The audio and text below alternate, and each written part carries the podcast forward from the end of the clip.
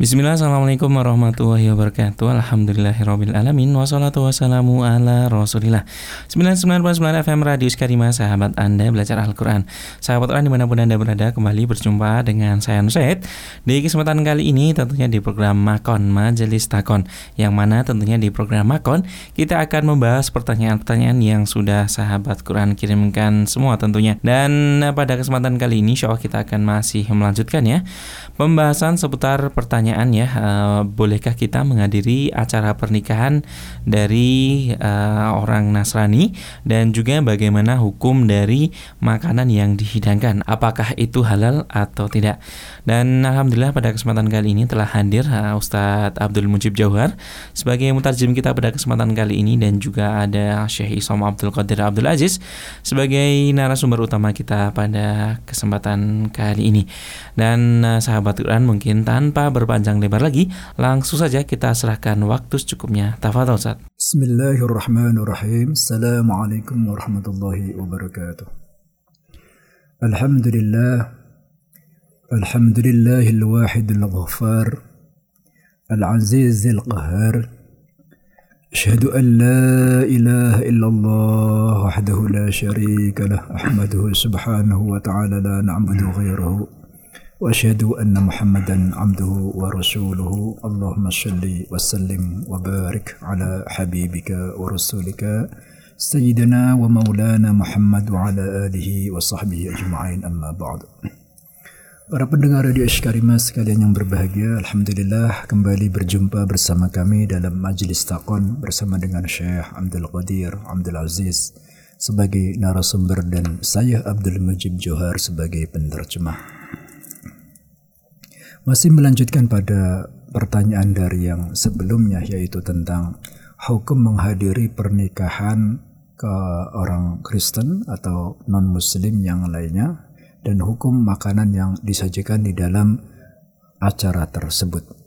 فما زلنا نتكلم في موضع السابق يعني عن حكم زيارة الوليمة لغير المسلمين وحكم الطعام التي قدمت فيها.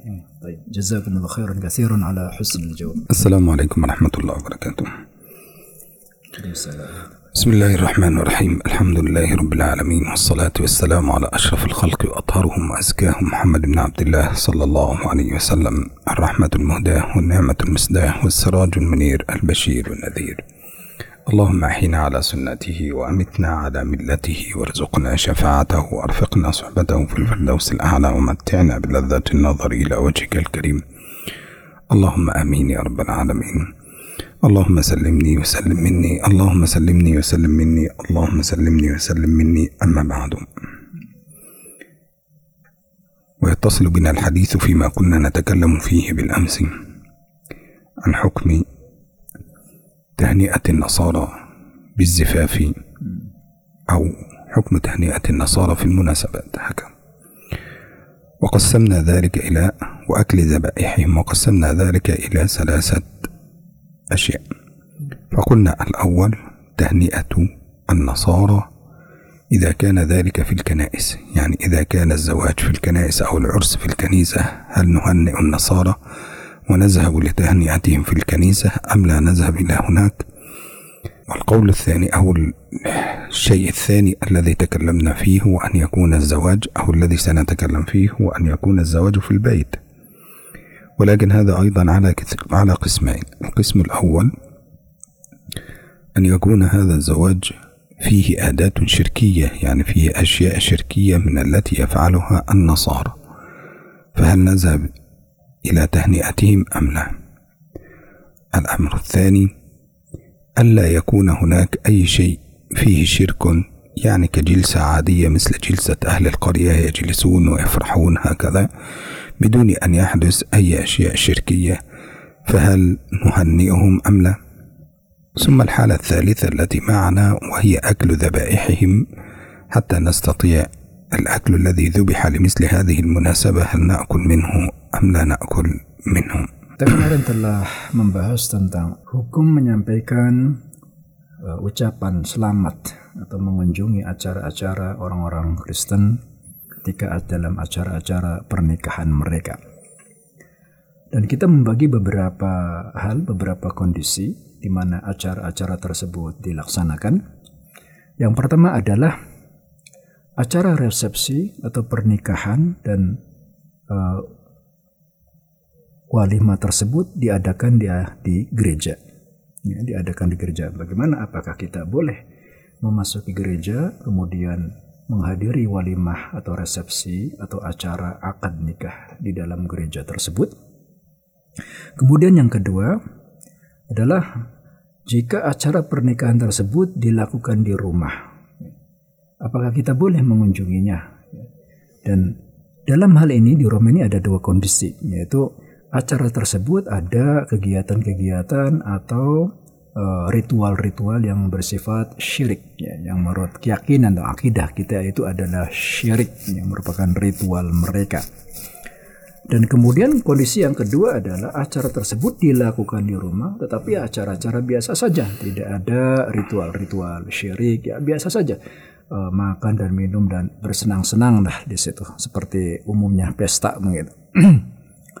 dan kemudian ya, yang ketiga adalah hukum memakan makanan yang disajikan di dalam acara tersebut dan makan sembelih-sembelihan mereka.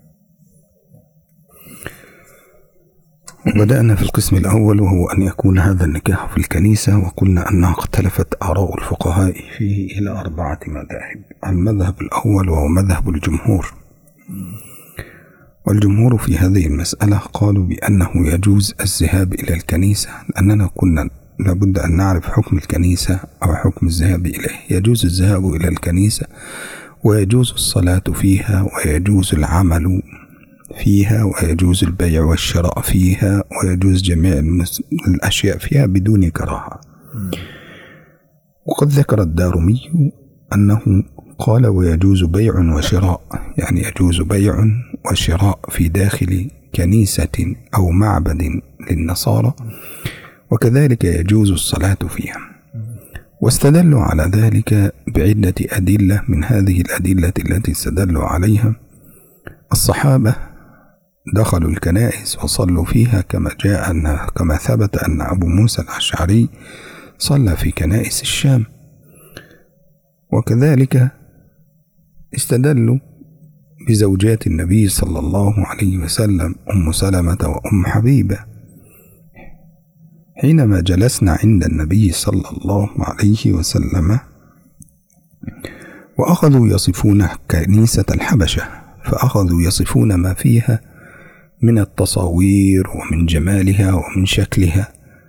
فقال رسول الله صلى الله عليه وسلم ألا إن القوم كان إذا مات فيهم الرجل الصالح بنوا على قبره مسجدا أولئك هم شرار الخلق.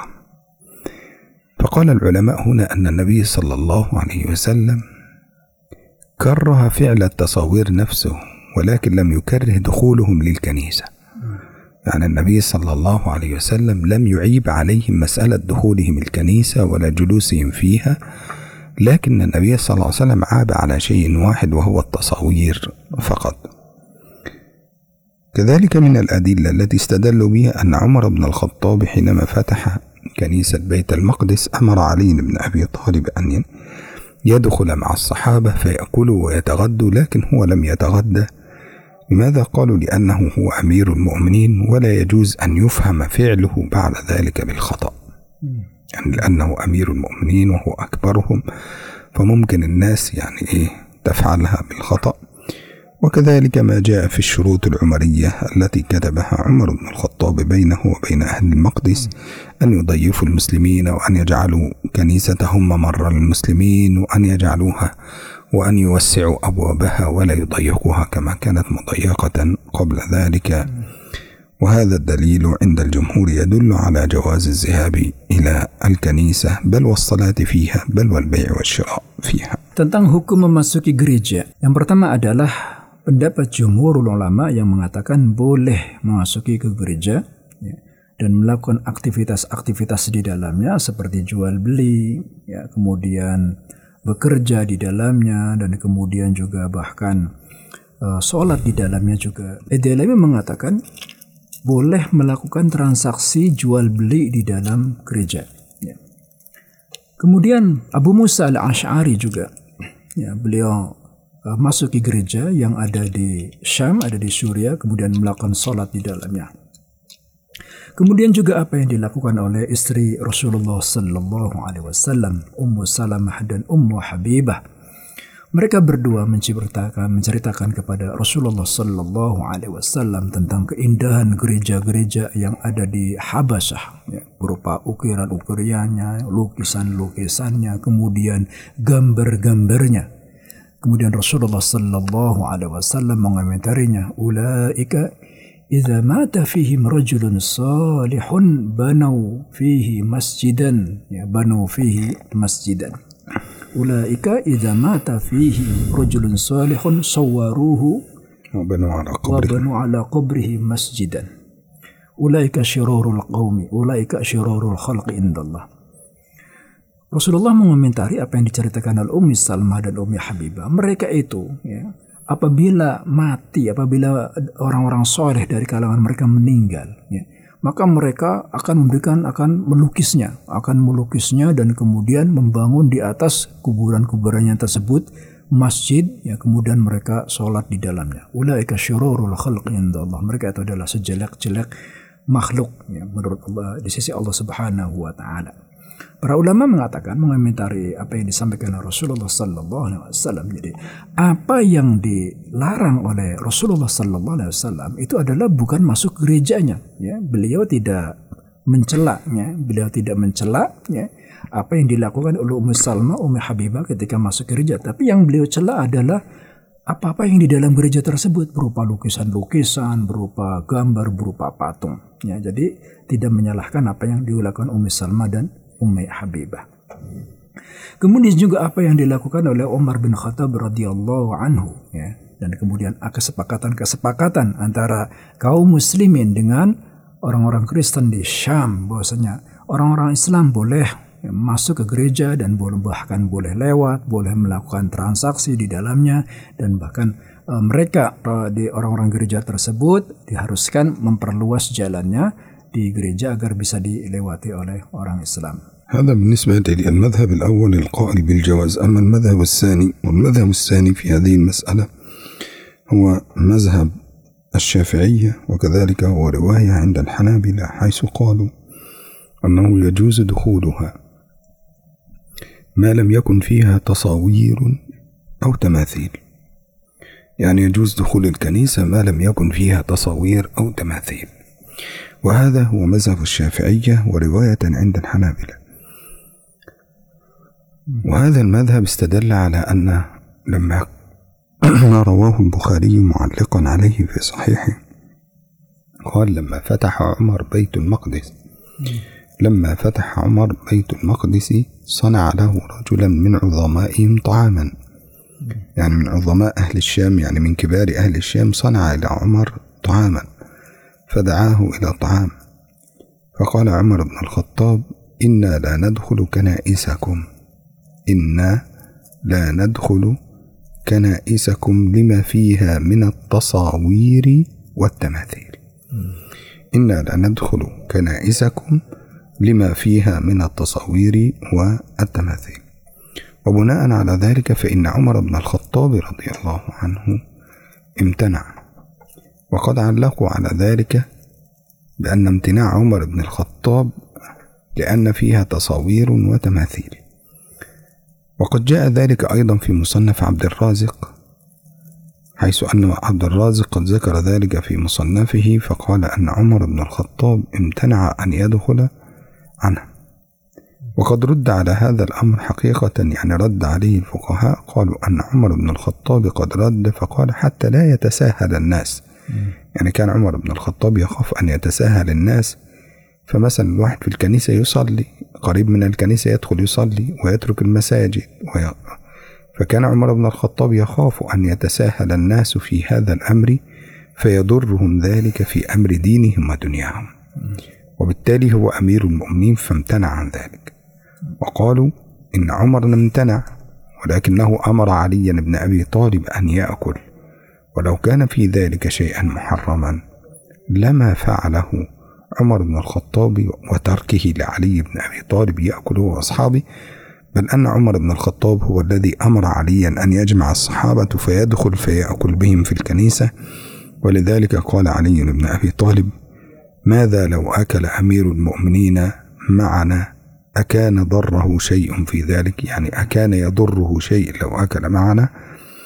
وبالتالي فإنه لا يضره شيء لكن أمير المؤمنين عمر امتنع فإذا هذا الرأي استدل بدليل أن عمر امتنع عن الأكل في الكنيسة التي فيها التصاوير والتماثيل لكن رد عليه جمهور الفقهاء بأن امتناع عمر كان لسبب في نفس عمر وهو ألا يتساهل المسلمون في هذا الأمر. Kemudian pendapat yang kedua ya, adalah uh, dari pendapat Imam Syafi'i kemudian riwayat dari madhab Hambali.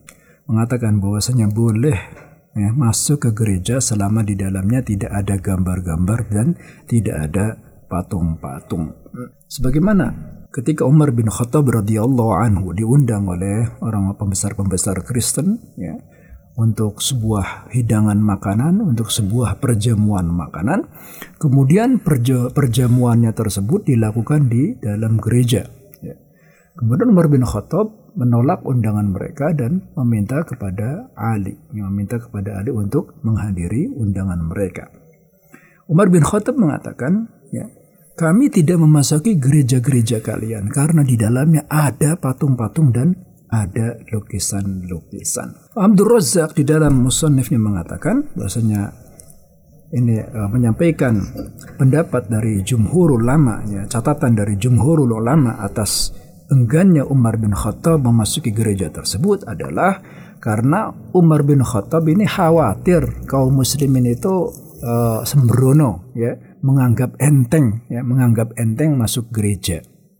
Ya sehingga mereka kemudian uh, tasahul ya sehingga mereka kemudian sembrono ya menganggap enteng kemudian biasa saja masuk gereja bahkan sholat di dalam gereja dan kemudian uh, tidak sholat di masjid ya maka oleh karena kekhawatiran Amirul Mukminin yang demikian beliau enggan masuk ke gereja ya dalilnya adalah beliau meminta kepada Ali bin Abi Thalib untuk memenuhi undangan mereka kemudian Ali bin Abi Thalib berangkat bersama beberapa sahabatnya dan kemudian memenuhi undangan mereka dan makan di dalamnya. Kemudian Ali bin Abi Thalib mengatakan, ya apa? Ya, apa yang bisa terjadi pada Umar? Bahaya apa yang bisa terjadi kepada Umar jika dia memenuhi undangan mereka kemudian makan di sini bersama-sama? هذا هو القول الثاني الذي يقول بالجواز القول الثالث وهو يقول بعدم الجواز وعدم الجواز هذا لا يجوز أن يدخلها يعني لا يجوز أن يدخلها أبدا أو يكره أن يدخلها أبدا وهذا هو مذهب الحنفية ورواية عند الحنابلة. المذهب الثاني لا يجوز أن يدخلها أو المذهب الثالث لا يجوز أن يدخلها أو يكره له أن يدخلها. كلمة لا يجوز هنا عند الحنفية المعني بها الكراهة. فيقولون لا يجوز أن يدخلها أو يكره له أن يدخلها. لماذا يكره له أن يدخلها؟ قالوا لأنها معاقل الشياطين. يعني لا يجوز له أن يدخلها لأنها معاقل الشياطين. الشياطين تسكن هذه الأماكن لكثرة ما فيها من الخبث والرجس والكذب والفجور ومن كثرة الأشياء التي ترتكب فيها. فلذلك قالوا أن هذه معابد الشياطين أو معاقل الشياطين هكذا وبالتالي لا يجوز أن يدخل أو يكره له أن يدخل هذا الكنائس. أما بالنسبة إلى المذهب الرابع وهو الذي قال يجوز أن يدخلها لكن بشرط. الشرط الأول هو إذن أهلها. إذن أهلها. يجوز أن يدخلها بإذن أهلها يعني بإذن أهل الكنائس. إن أذنوا له دخل وإن لم يأذنوا له لم يدخل. طب استدلوا على ذلك بماذا؟ استدلوا على ذلك أن عمر بن الخطاب لم يدخل كنيسة القديسين ولم يدخل كنيسة إلياء التي هي في بيت المقدس لم يدخلها عمر بن الخطاب إلا بعد أن أذنوا له في الدخول. يعني بعد أن أذنوا له أن يدخل فدخل عمر بن الخطاب. لكن عمر بن الخطاب لم يدخل بدون استئذان. كذلك الصحابة أيضا لم يدخلوا بدون إذن لم يدخلوا إلا بعد إذنهم. وبالتالي لا يجوز هنا أن يدخل هذه الكنيسة إلا بإذن أهلها. يقول بعدم الجواز لكن للكراهة.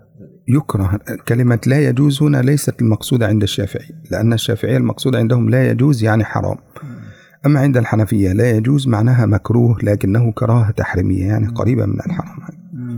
يعني كراهة لكن يقرب إلى التحريم إيه هكذا. كراهة شديدة يعني. آه. مكروه كراهة شديدة. أما إمام الشافعي يقول بالجواز لكن الإمام الشافعي يقول آه، آه، بعدم الجواز. الإمام الشافعي يقول يكره أن يدخل هذه الكنائس لأن عمر بن الخطاب رفض أن يدخل يصرح بالكراهة.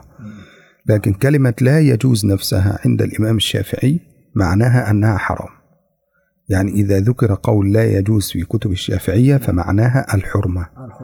لكن إذا ذكر في كتب الحنفية فمعناه الكراهة التحريمية يعني الكراهة الشديدة يعني. الكراهة الشديد نعم.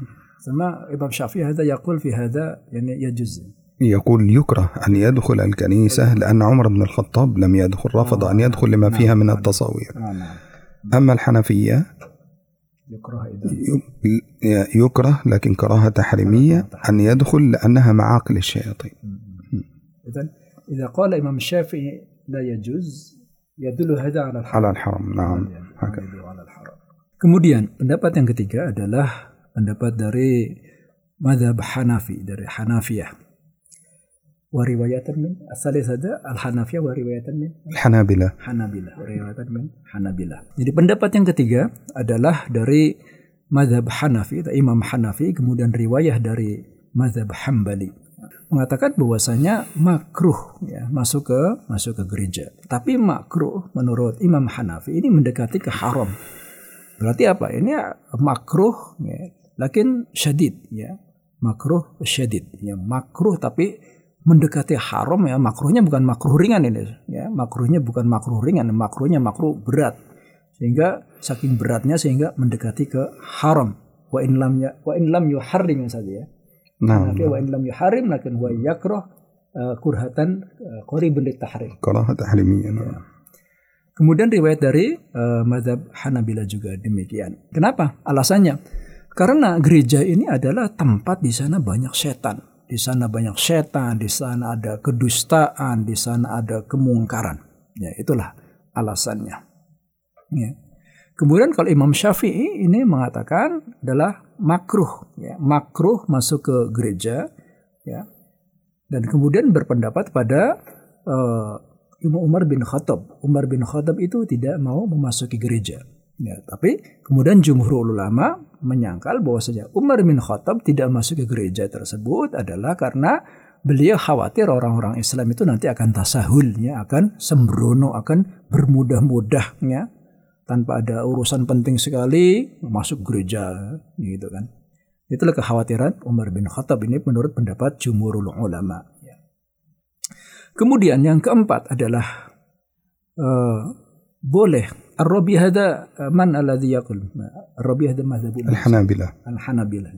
Kemudian yang keempat ya, adalah pendapat dari masih mazhab Hambali yang mengatakan boleh boleh masuk ke gereja tapi dengan syarat ada izin ya, dengan syarat ada izin dari eh, takmir gerejanya itu ya. ya. Dengan syarat ada izin dari takmir gerejanya. Kalau kita takmir masjid itu ya, kalau kita ada takmir masjid mungkin di sana apa itu kan eh, apa ada eh, penanggung jawab gerejanya gitu. Hmm, gitu.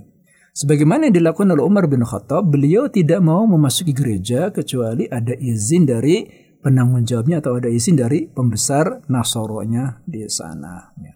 وبناء على ذلك أو بناء على الأربعة مذاهب التي تتكلم في حكم الكنائس أو الدخول إلى الكنائس فبالتالي يمكننا القول هنا هل يجوز تهنئة النصارى في زفافهم إذا كان هذا الزفاف في الكنيسة أم لا. فنقول ما ذهب إليه الجمهور هو جواز الذهاب إليهم. يعني جواز الذهاب من غير كراهة وهذا على الصحيح كما جاء في الإنصاف. يعني يجوز الذهاب إلى الكنيسة لحضور الحفل. هذا ليس فيه أي شيء ما لم يكن طبعا ذلك فيه عبادات كفرية. يعني ما لم يتخلله عبادات كفرية أو أشياء كفرية. فيمكن أن يهنئ ثم يخرج مباشرة لا يجلس كثيرا. يعني يمكن أن يذهب يهنئ صديقه مثلا يهنئه بالزواج يقول له آه، طبعا لا يمكن أن يقول له بارك الله لكما وبارك عليكما وجمع بينكما في الخير لا طبعا هو سيقول له أجاكم الله.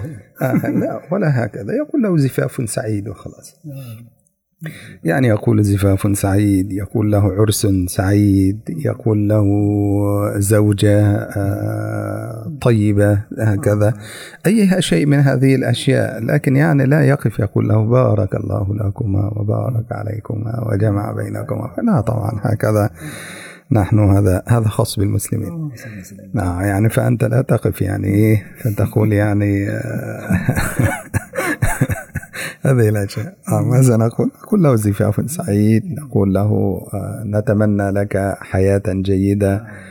نرجو لك أن تكون هذه الزوجة تعينك على الخير وخلاص وننتهي من هذه القضية يعني ليس هكذا.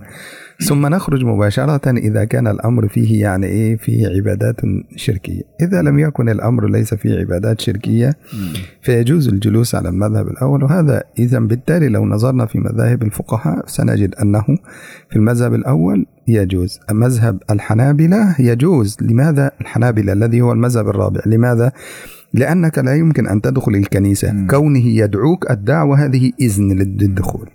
يبقى إذن الحنابلة الذين قالوا يجوز الدخول بالإذن هذا أيضا يجوز عندهم. كذلك عند الإمام أبو حنيفة والإمام الشافعي يكره له دخول مثل هذه الأماكن.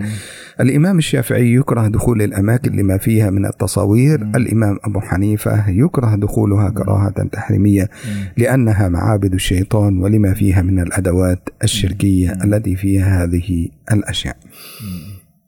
Ya, oleh karena itu berdasarkan dari pendapat-pendapat yang keempat dari beberapa mazhab tersebut, yaitu pendapat jumhur yang mengatakan bolehnya berkunjung atau masuk ke gereja untuk menghadiri walimah atau resepsi pernikahan, ya selama di dalamnya tidak ada acara-acara yang syirik, ya. selama di dalamnya tidak ada acara-acara yang syirik. Kemudian juga pendapat Imam Syafi'i, ya pendapat imamnya Syafi'i ya, yang mengatakan makruh, ya makruh karena eh, di dalamnya ada patung-patung dan ada eh, gambar-gambar. ya. Kemudian pendapat yang ketiga yaitu eh, makruh, ya makruh tahrimiyah di sini, ya makruh tapi mendekati haram, yaitu pendapat Imam Hanafi dan riwayat dari Hanabilah. Kemudian Imam Hambali juga membolehkan, ya membolehkan tapi dengan syarat ada izin, ya dengan syarat ada izin.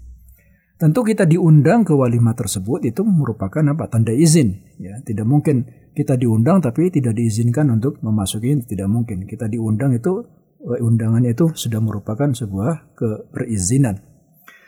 Ya, berdasarkan pendapat dari pendapat tersebut, maka ya pendapat yang paling kuat adalah boleh ya ad- adalah bolehnya memasuki gereja untuk menghadiri resepsi pernikahan ya, dari teman atau siapa saja yang acaranya di gereja gitu ya. Mungkin ada teman kita bahkan mungkin ada saudara gitu yang eh, acara pernikahannya di gereja. Selama di gereja tersebut tidak ada ritual-ritual peribadatan mereka tidak ada ritual-ritual syirik yang bertentangan dengan agama kita atau ritual-ritual yang atau acara-acara yang mungkar lah ya. Begitu selesai kita menghadiri kemudian mengucapkan selamat, kita langsung pulang saja ya tanpa berlama-lama di dalamnya. Ya, apalagi kalau kemudian pada acara susulanya ada acara-acara yang acara-acara yang mungkar. Kemudian kita eh, tidak boleh mengucapkan sebagaimana kita ucapkan kepada saudara muslim kita barakallahu lakuma ya wa baraka alaikuma wa jama bainakuma fi khair ini tidak boleh. Ini hanya kita ucapkan kepada saudara kita sesama muslim aja. Ya, jadi apa yang kita ucapkan kepada kedua mempelai ya ya selamat ucapan selamat ya selamat ya mudah-mudahan menjadi istri yang baik mudah-mudahan eh, istri anda ini memberikan kebaikan kepada anda dan membantu ya eh, membantu pekerjaan anda lah ya pokoknya perkataan-perkataan apa saja yang sifatnya bukan merupakan doa-doa kebaikan yang dikhususkan bagi sesama muslim وبناء على هذا فإننا نكون قد فصلنا القول في الحالة الأولى التي يكون الدخول فيها إلى الكنيسة. هل يجوز تهنئته في بالزفاف إذا كان ذلك في الكنيسة؟ قلنا بالجواز على مذهب الجمهور ما لم يكن في ذلك عبادات شركية فإن كان عبادات شركية يسلم ثم يخرج مباشرة ولا يجلس معهم ولا آه، يطيل جلوسه في الكنيسة. إن لم يكن هناك شيء أراد أن يجلس يجلس لما فعله الصحابة بأنهم جلسوا وقد دخلوا وأكلوا في الكنيسة ولا شيء في ذلك عليه. آه هذا بالنسبة إلى مذهب الجمهور. أما مذهب الحنفية والشافعية قالوا بالكراهة لأنها معابد الشيطان وتصاويرها ويبقى معنا إذا كان هذا الزواج في البيت. يعني إذا كان هذا الزواج في البيت والزواج في البيت يكون له حالتين إما أن تكون فيه طقوس شركية أو لا تكون فيه طقوس شركية فإن كانت فيه طقوس شركية فماذا نفعل؟ هذا ما سنعرفه غدا إن شاء الله Ya, jadi demikianlah ya, demikianlah hukum memenuhi undangan ya, undangan seorang Nasrani atau non muslim untuk acara pernikahan mereka apabila acara yang tersebut dilakukan di gereja. Jadi dalam hal ini pendapat yang kuat adalah bolehnya memasuki gereja untuk memenuhi undangan mereka. Selama di dalam gereja tersebut tidak ada eh, hal-hal uh, yang merupakan kemungkaran berupa kesyirikan dan yang lain-lain sebagainya. Kemudian yang kedua adalah tentang uh, jika acara tersebut dilakukan di rumah, ya, bagaimanakah hukumnya apabila kita uh, acara tersebut dilakukan di rumah, apakah kita harus menghadiri, apakah kita boleh menghadiri, apa tidak? Insya Allah akan kita bahas pada sesi majelis takun yang berikutnya. Saudara-saudara sekalian yang berbahagia, demikianlah kajian kita pada hari ini. Demikian, semoga bermanfaat dan insya Allah akan kita lanjutkan lagi pada sesi majelis takon yang berikutnya. Mudah-mudahan Allah Subhanahu wa taala masih memberikan kesempatan kepada kita untuk mengikutinya. Barakallah lakum. Jazakumullah khairan atas perhatiannya. Assalamualaikum warahmatullahi wabarakatuh. Waalaikumsalam warahmatullahi wabarakatuh. Jazakumullah uh, khairan kami ucapkan kepada Ustadz Abdul Mujib Jawad dan juga kepada Syekh Isom Abdul Qadir Abdul Aziz yang telah menyempatkan waktunya untuk bisa hadir di kesempatan kali ini. Dan tentunya kami ucapkan juga jazakumullah bagi penanya. Dan tentunya uh, jangan lewatkan uh, pembahasan atau juga kelanjutan pembahasan dari pertanyaan ini tentunya sehingga nanti bisa uh, maksimal dalam memahami uh, masalah ini tentunya.